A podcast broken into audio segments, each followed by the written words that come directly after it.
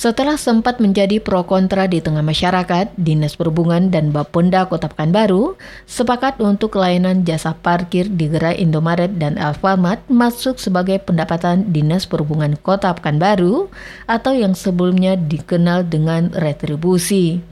Secara resmi dijelaskan Kepala Dinas Perhubungan Kota Pekanbaru, Yuliarso, penarikan jasa layanan parkir di dua gerai tersebut dapat ditarik oleh juru parkir terhitung tanggal 16 Oktober ini.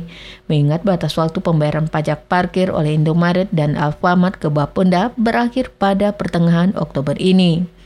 Sementara waktu ditegaskan Yuliarso, jika masyarakat masih dimintai uang jasa layanan parkir oleh para juru parkir, dapat mengabaikannya begitu saja.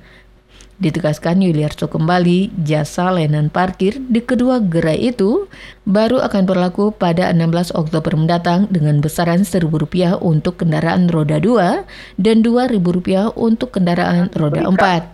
Nah, sekali lagi jangan diberikan dan laporkan kepada kami karena memang informasi ke bawah ini terjadi pembiasan.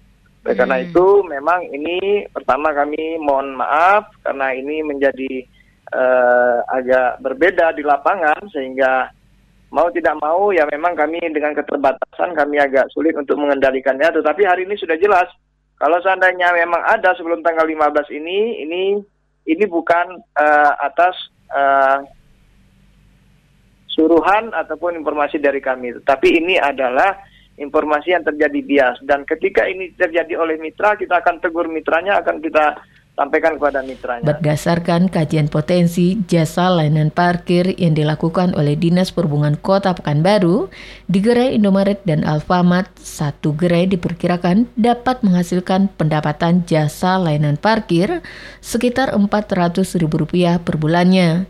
Sementara selama ini dalam bentuk pajak parkir, kedua gerai tersebut menyetorkan pajak parkirnya hanya sekitar Rp250.000 per bulannya. Desi Suryani, Tim Liputan Barabas, melaporkan.